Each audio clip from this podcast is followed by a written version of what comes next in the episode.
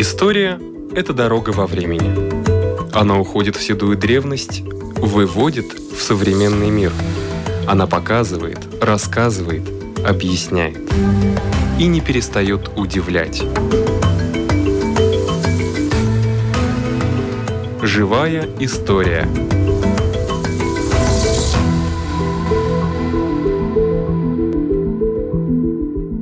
У микрофона Лидия Чера.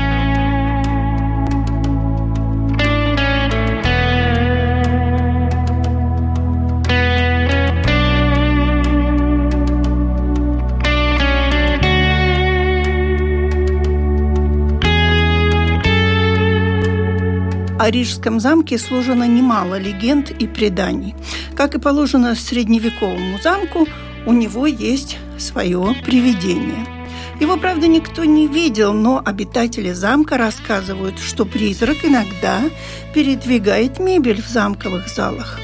Одно из преданий гласит, что в Рижском замке был явлен знак, предрекающий конец Ливонского ордена. В 1579 году, когда польский король Стефан Баторий осадил Полоцк, в замок прилетел аист и прогнал ворона, который жил там много лет. Этот знак был истолкован как конец правления немцев, на место которых пришли поляки. Не знаю, какой знак появился до последнего пожара в Рижском замке, но сейчас идут длительные восстановительные работы, которые неизвестно пока когда закончатся. Поговорить о замке, о котором за последние 10 лет накопилось много нового материала, захотели археологи, историки, художники и архитекторы – организовал конференцию Государственный музей истории Латвии. На прошлой неделе она состоялась, и для передачи нашлись интересные моменты.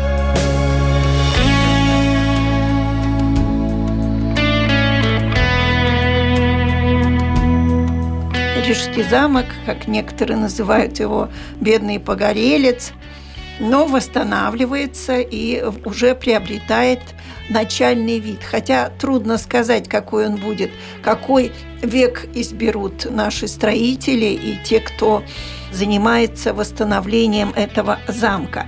Но интересно, каким его построили вот в XIII веке. Зав. департаментом археологии Янис Циглис. Скажите, пожалуйста, каким он был? Он был много меньше, чем сейчас? Или по территории он занимал именно ту же площадь, как и сейчас? О первом замке мы знаем довольно много, но этих данных у нас не хватает, чтобы полностью реконструировать, как он выглядел. Этот первый замок в этом месте построен в 30-х годах XIV века когда рижане это сокавят. Они потерпели поражение. Да, в войне с э, Ливонским орденом. И Ливонский орден заставил их дать место для постройки нового замка. Но первый замок в этом месте построили за 10 лет. Это была часть Потом этот замок много перестроился и, и такой, какой он был в конце 15 века, когда рижане опять его разрушили.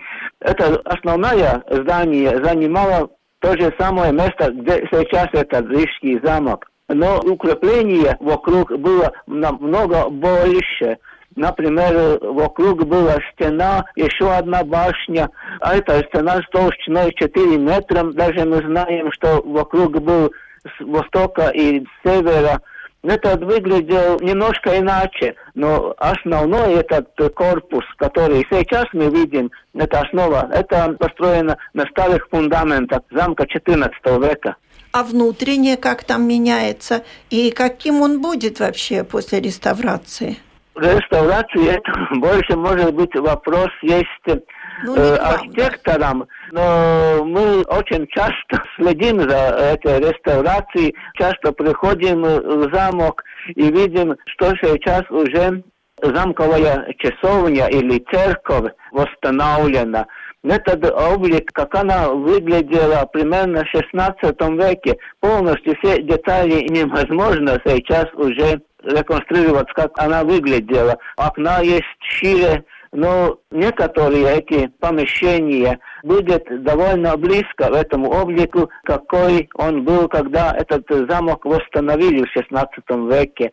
Там будет и новое, но это как э, если у здания есть больше 500 лет, она все время перестраивалась, пополнялась, ремонты были. И сейчас эта реконструкция тоже приносит новые элементы, новые конструкции но и что-то возрождается. Да. Не то, что было в XVI веке, как это замковая часовня или, может быть, э, тоже это столовая рыцарей, Ремтерс, ну, там проблемы немножко с восстановлением, но, наверное, увидим, как эти прекрасные помещения, примерно в таком виде, как они выглядели после восстановления замка, или лучше сказать, постройки снова в начале XVI века. XVI век – это то здание, которое уже сохранилось до, ну, наших, до, дней. до наших дней, до нашего пожара, скажем так. Этот пожар был это при Форбурге. Это немножко другие конструкции. Это 18-19 век пострадал. Этот замок 16 века практически не пострадал эти помещения. А сколько раз горел вообще Рижский замок? Мы даже не знаем, может быть, какие маленькие пожары были во время войн или что-то. А так э, гореть он никогда полностью не сгорел. И этот пожар, который был 6 лет уже назад, тоже пострадал четвертый этаж в этом Форбурге. Немножко это маленькая башня, которая есть в северо-западе замки, там крыша. Но так он никогда не сгорел. Полностью никогда не горел. Ну, да, конечно. да. На ваш взгляд, Рижский замок является каким-то уникальным объектом архитектуры? Я думаю, что да, это есть самый хороший памятник орденского зодчества в Латвии. И это последний построенный и снова построенный на старых фундаментах замок Ливонского ордена – лучше памятника, который сохранился и показывает крепостную архитектуру этих средневековых замков, у нас в Латвии нету.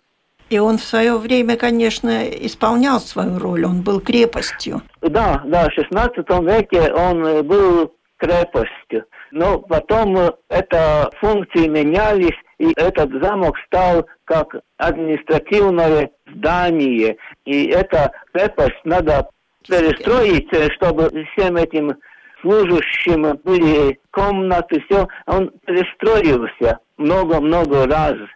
И он потерял этот вид крепости. Но сейчас, когда мы приходим к замку, мы видим эти два башня круглые, которые напоминают, что это крепость.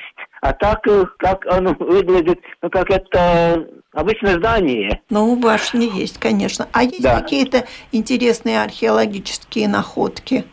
Вот сейчас, когда идет реставрация, нет? Есть, но это я довольно мало знаю. Это надо спросить Мартиньш Лусенс, Илмар Дирекс, которые руководили этими раскопками и исследованием. Но мы знаем, что есть эта печь гипокауста, которая отопила помещение с теплым воздухом. Это уникальная такая находка. Отопительная и, система, да. Да, да, да. И этим архитекторам надо что-то менять в проектах. Сейчас это процесс, как это интегрировать эти новые находки в проекте замка. Ну так э, всегда что-то интересное есть.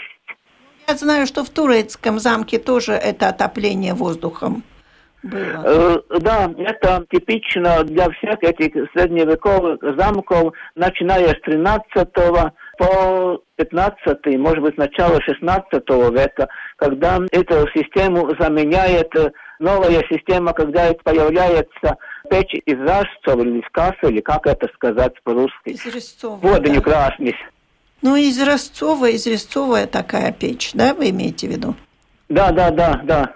Тоже восстанавливается? Эти не восстанавливаются. У нас есть хорошая коллекция этих изразцев, очень хорошая, из раскопков, там, э, с фигурами и так. Но это может быть в новой экспозиции, когда музей и придет, что-то будем показывать, какие-то реконструкции. Но это еще в процессе работы. Мы думаем об этим новыми экспозициями, которые будут в замке после открытия, после ремонта будет в музее конференция или семинар, который будет посвящен историю и архитектуре Рижского замка.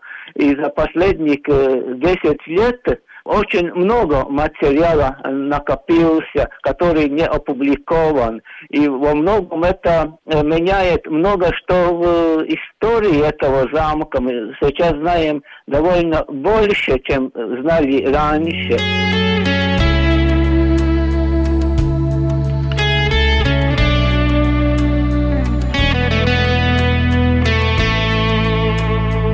И, наверное, многим интересно, как изображали в графике и в живописи Рижский замок. Об этом нам расскажет заместитель директора Государственного музея истории Латвии Анита Мейнарте.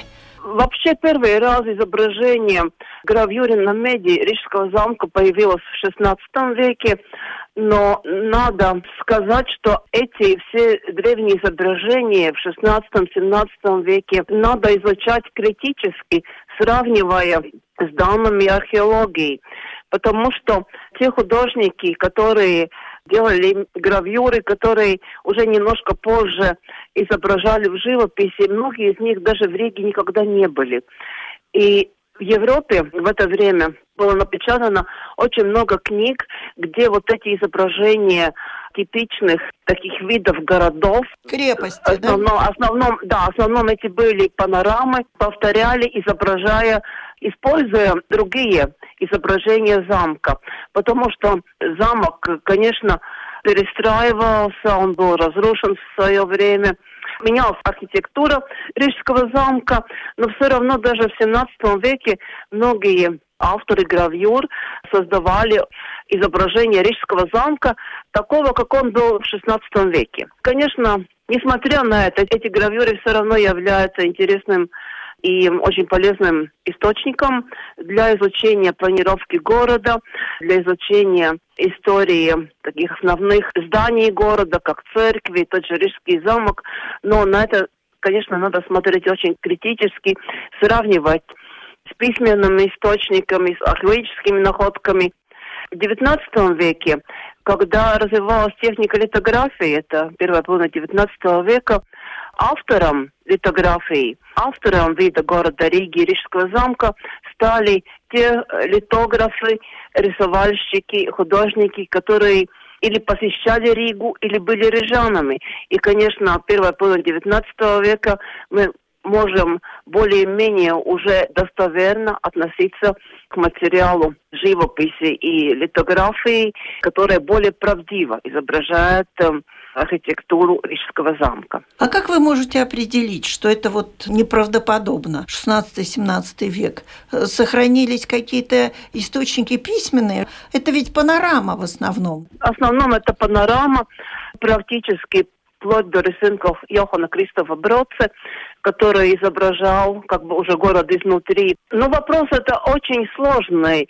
Рижский замок в видах конца XVI века изображается с такой постройкой, которая называется Данскер. Но это, ну так откровенно говорят, это туалет. Как бы такая туннель, он изображается и даже в гравюрах 17 века. Но изучение Рижского замка, которое проходит вот вместе с реставрацией, доказывает, что такой постройки не было.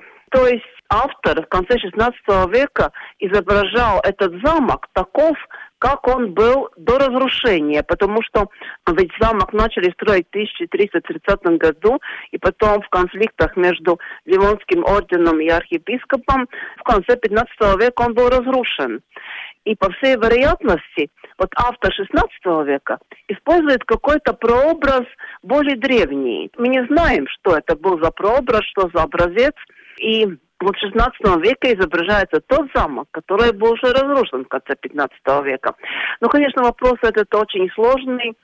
Я думаю, что еще не сказано последнее слово, изучая эти древние виды города Риги, Рижского замка в том числе. Мы говорили о графике, а в живописи?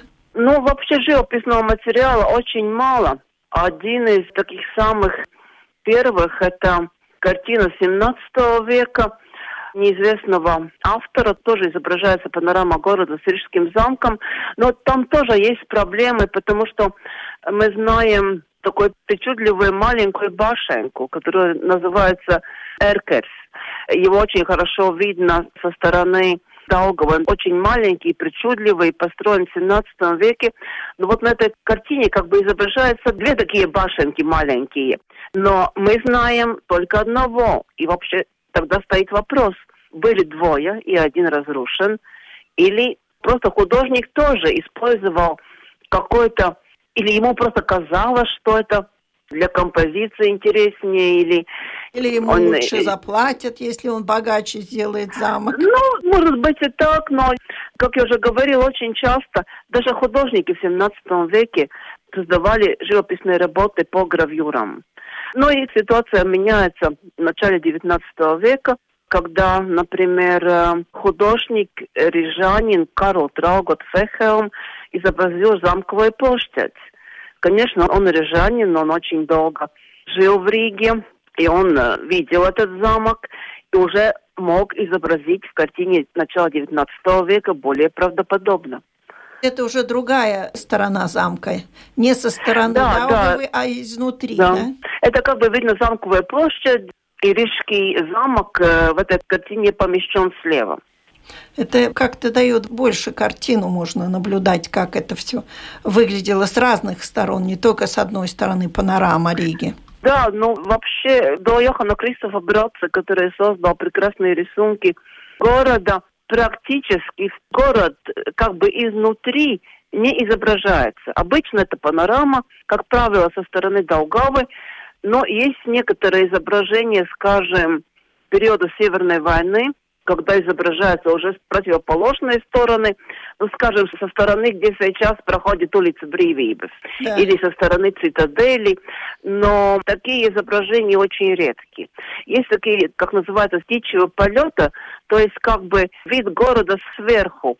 Как именно создавались эти рисунки сверху, это, в принципе, делалось, конечно, он не летел на воздушном шаре, это создавалось при помощи такой таких вычислений математических, да.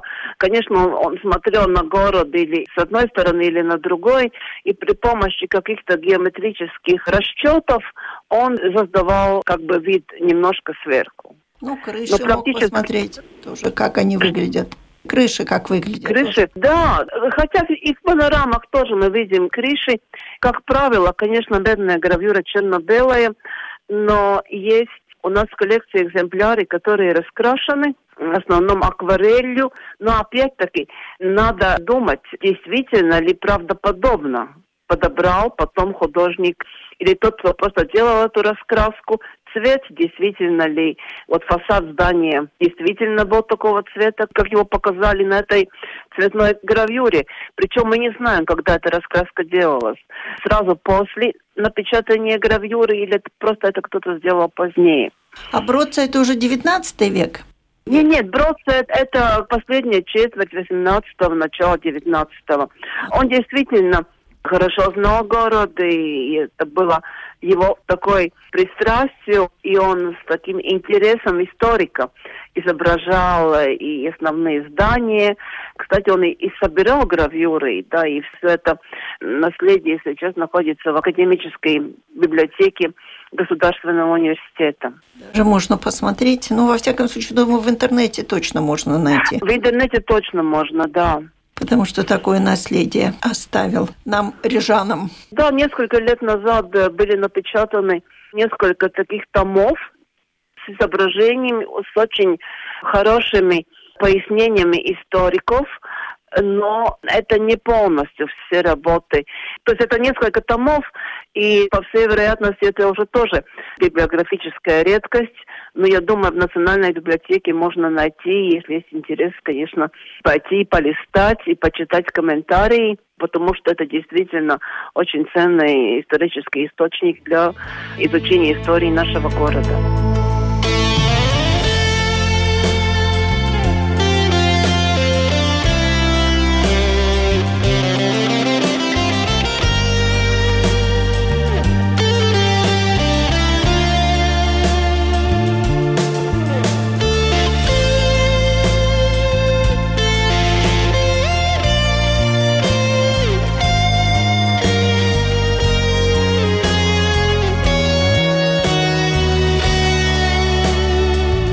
Насколько я поняла, очень много проблем вызывает интегрирование находок и интегрирование в детали восстановления именно архитекторам труднее всего. Согласны ли вы, Петерис Блумс, архитектор, который многое сейчас делает в реставрации, дает советы людям, которые реставрируют Рижский замок? Да, я полностью согласен, что это так это нет ничего нового. Иногда бывает так, что сравнительно молодым архитекторам без большого опыта в реставрационном деле они просто... Не понимают. Ну да, они толком не осознают, что так будет, и так будет обязательно, и что будут новые находки, новые открытия, которые прежде никто не знал, и что это будет затягивать время. Говорят, что капелла какая-то новая будет 19 века. Нет, это неверно говорят.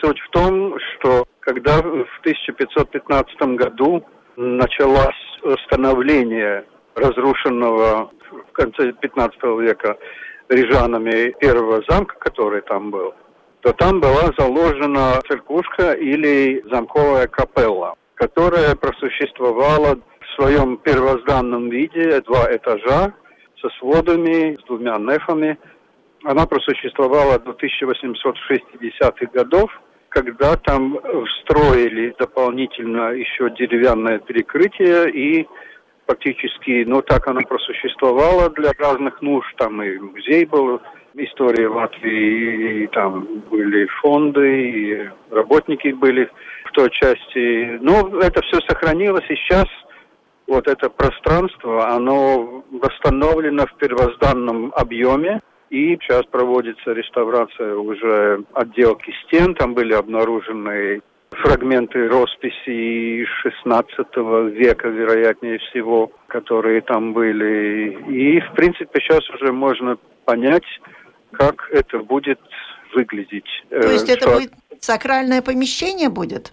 Нет, нет, это будет Национальный музей истории, который находился в одной части Рижского замка – но поскольку сейчас музей зарубежного искусства бывший, он оттуда ушел, и музей литературы тоже перебрался в другие помещения, то там останется только Национальный музей истории. И вот это будет одна из частей экспозиции этого музея. Но ведь как сложно. Строился он в XIV веке в начале, потом он горел, потом его восстанавливали, строили, достраивали. Вот сейчас за основу какой проект берется, который XVI века? Нет, такой философии сохранения памятников архитектуры ныне больше нет.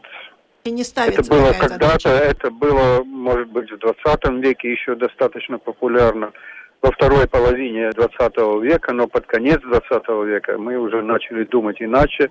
Уже начиная с 80-х годов у нас философия поменялась, и сейчас мы исходим из того состояния, которое в нем есть, делаются очень тщательные исследования, мы пытаемся понять, какие части действительно малоценны в том состоянии, которое дошло до нас, наиболее ценное, и мы пытаемся сохранить больше того, что является полной картиной истории этого замка.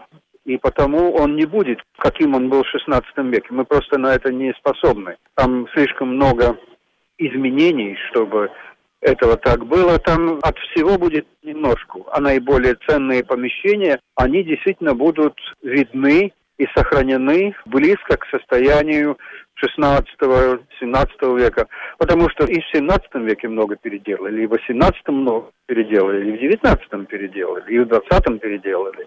Так что возвратиться да. обратно к первозданному виду, это как, скажем так, меня из пенсионера сделать обратно школьником. Понятно. Ну, иногда, например, достают те краски, которые вот... Я знаю, что ну, некоторые небольшие объекты, даже в Латвии, есть, э, которые восстанавливают цвет крыши, цвет стены и оставляют какое-то вкрапление, то есть открывают то, что было там когда-то, цвет, который хотя бы сохраняется. Вот такие будут фрагменты? Да, обязательно они будут. Фасад этой части Рижского замка, поскольку это только часть так называемой дом конвента, он будет иметь облик XIX века второй половины XIX века, потому что раньше перепрыгнуть обратно мы не можем, поскольку эти изменения были настолько велики и настолько невозвратны, что нам приходится оставлять то, что есть, и это не противоречит проверенным и оправданным принципам сохранения наследия. Это все нормально. А вот таких разных открытых древних фрагментов и частей, их будет много, и мы очень стараемся думать над тем, чтобы их было как можно больше, но в то же самое время, чтобы мы были уверены в том, что единство интерьеров все-таки преобладает, и чтобы там это не был как такой насыщенный э, рассольник, в котором толком не понять, сколько составляющих частей. Но, например, подвалы будут иметь э, ну, такой очень средневековый облик. Также и, например, Свинцовая башня, которая к городу. Там тоже будут очень, ну, такие аутентичные интерьеры помещений. Также будут фрагменты видны конструкции крыш, галерея будет очень также хорошая. Там будут открыты части теперь уже под грунтом находящихся частей фасадов, например. Там будут открыты и видны для посетителей средневековые части застройки, которые старше самого замка, О, которые там были до 1330 года. Ну, что вам сказать? Хотелось бы надеяться, что это не только в вашей фантазии сейчас все это, то, что вы назвали, и то, что я представила, но это уже реально превращается в настоящее. Да-да, это вы можете все это записывать, куда-нибудь положить себе перед глазами, и потом, когда будет открытие всего этого, мы с этим э, листочком по частям, пройдемся. по частям этого здания это не будет все сразу, там процесс будет долгий, но я очень спокойно отношусь к историческим зданиям, которые восстанавливаются без спешки, спокойно, продуманно. Это самые хорошие пути в будущем, но обратно в историю потому что те реставрации, которые делаются поспешно, я в их не верю, и наверняка там, можно предполагать, достаточно много непонятых вещей и не совсем четких вещей. Так что это будет достаточно долго, но зато это будет очень качественно и достоверно. Абсолютно с вами согласна. Сделать скетч – это легко. Совершенно верно. А сотворить все-таки я рада, что это будет так. Ну, а хотя бы можем говорить уже об открытии какого-то первого этапа, возможно? Я очень благодарен коллегам, что они более осторожно, э, слушаются то, что я говорю, то, что мы говорим. Я не один, я в конце концов эксперт Национального управления охраны памятников старины. Мы там пару человек, там также руководитель этого Юрис Дамбус. Но да, действительно, может быть, из таких организаций или институций, которые входят в некоторые проектирование, там бывает чаще всего.